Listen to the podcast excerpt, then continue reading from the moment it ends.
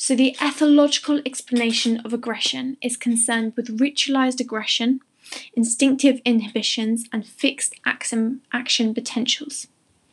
Ethologists, ethologists believe potential for aggression is innate, but actual aggression is only triggered in response to environmental stimuli. Ritualized aggression are ultimately threat displays to make actual aggression less likely, such as a gorilla pounding their chest. Instinctive inhibitions were proposed by Lorenz, and this theory suggests that predators do not use their natural weapons against their own species to avoid extinction of their own species. Instead, losers use appeasement signals to indicate acceptance of defeat, such as wolves exposing their carotid artery. Fixed action potentials are triggered by the environment. Fixed action potentials are triggered by the environment and they continue until the threat is removed. They're ballistic. Furthermore, a sensory recognition circuit detects a sign stimulus. Sensory recognition circuit detects a sign stimulus. This inerts innate releasing mechanisms. Innate releasing mechanisms and then a motor control circuit will initiate the fixed action potential. So the five characteristics for fixed action potentials.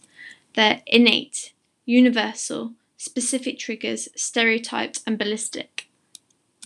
Innate, universal, specific triggers, stereotype, ballistic. Innate, universal, specific triggers, stereotype, ballistic. So, there is research support for ritualized aggression by the Yanomamo tribal group. They also pound their chests to prevent more extreme violence and the survival of their members. However, Lorenz's instinctive inhibitions can be contradicted by the Four Year War. In this war, males, male chimps systematically sorted chimps from another community in spite of their appeasement signals. This ultimately suggests that aggression is more realistic than a simple survival advantage as proposed by the ethological explanation. However, the theory can be supported fixed action potentials by both Tinbergen and Ulrich.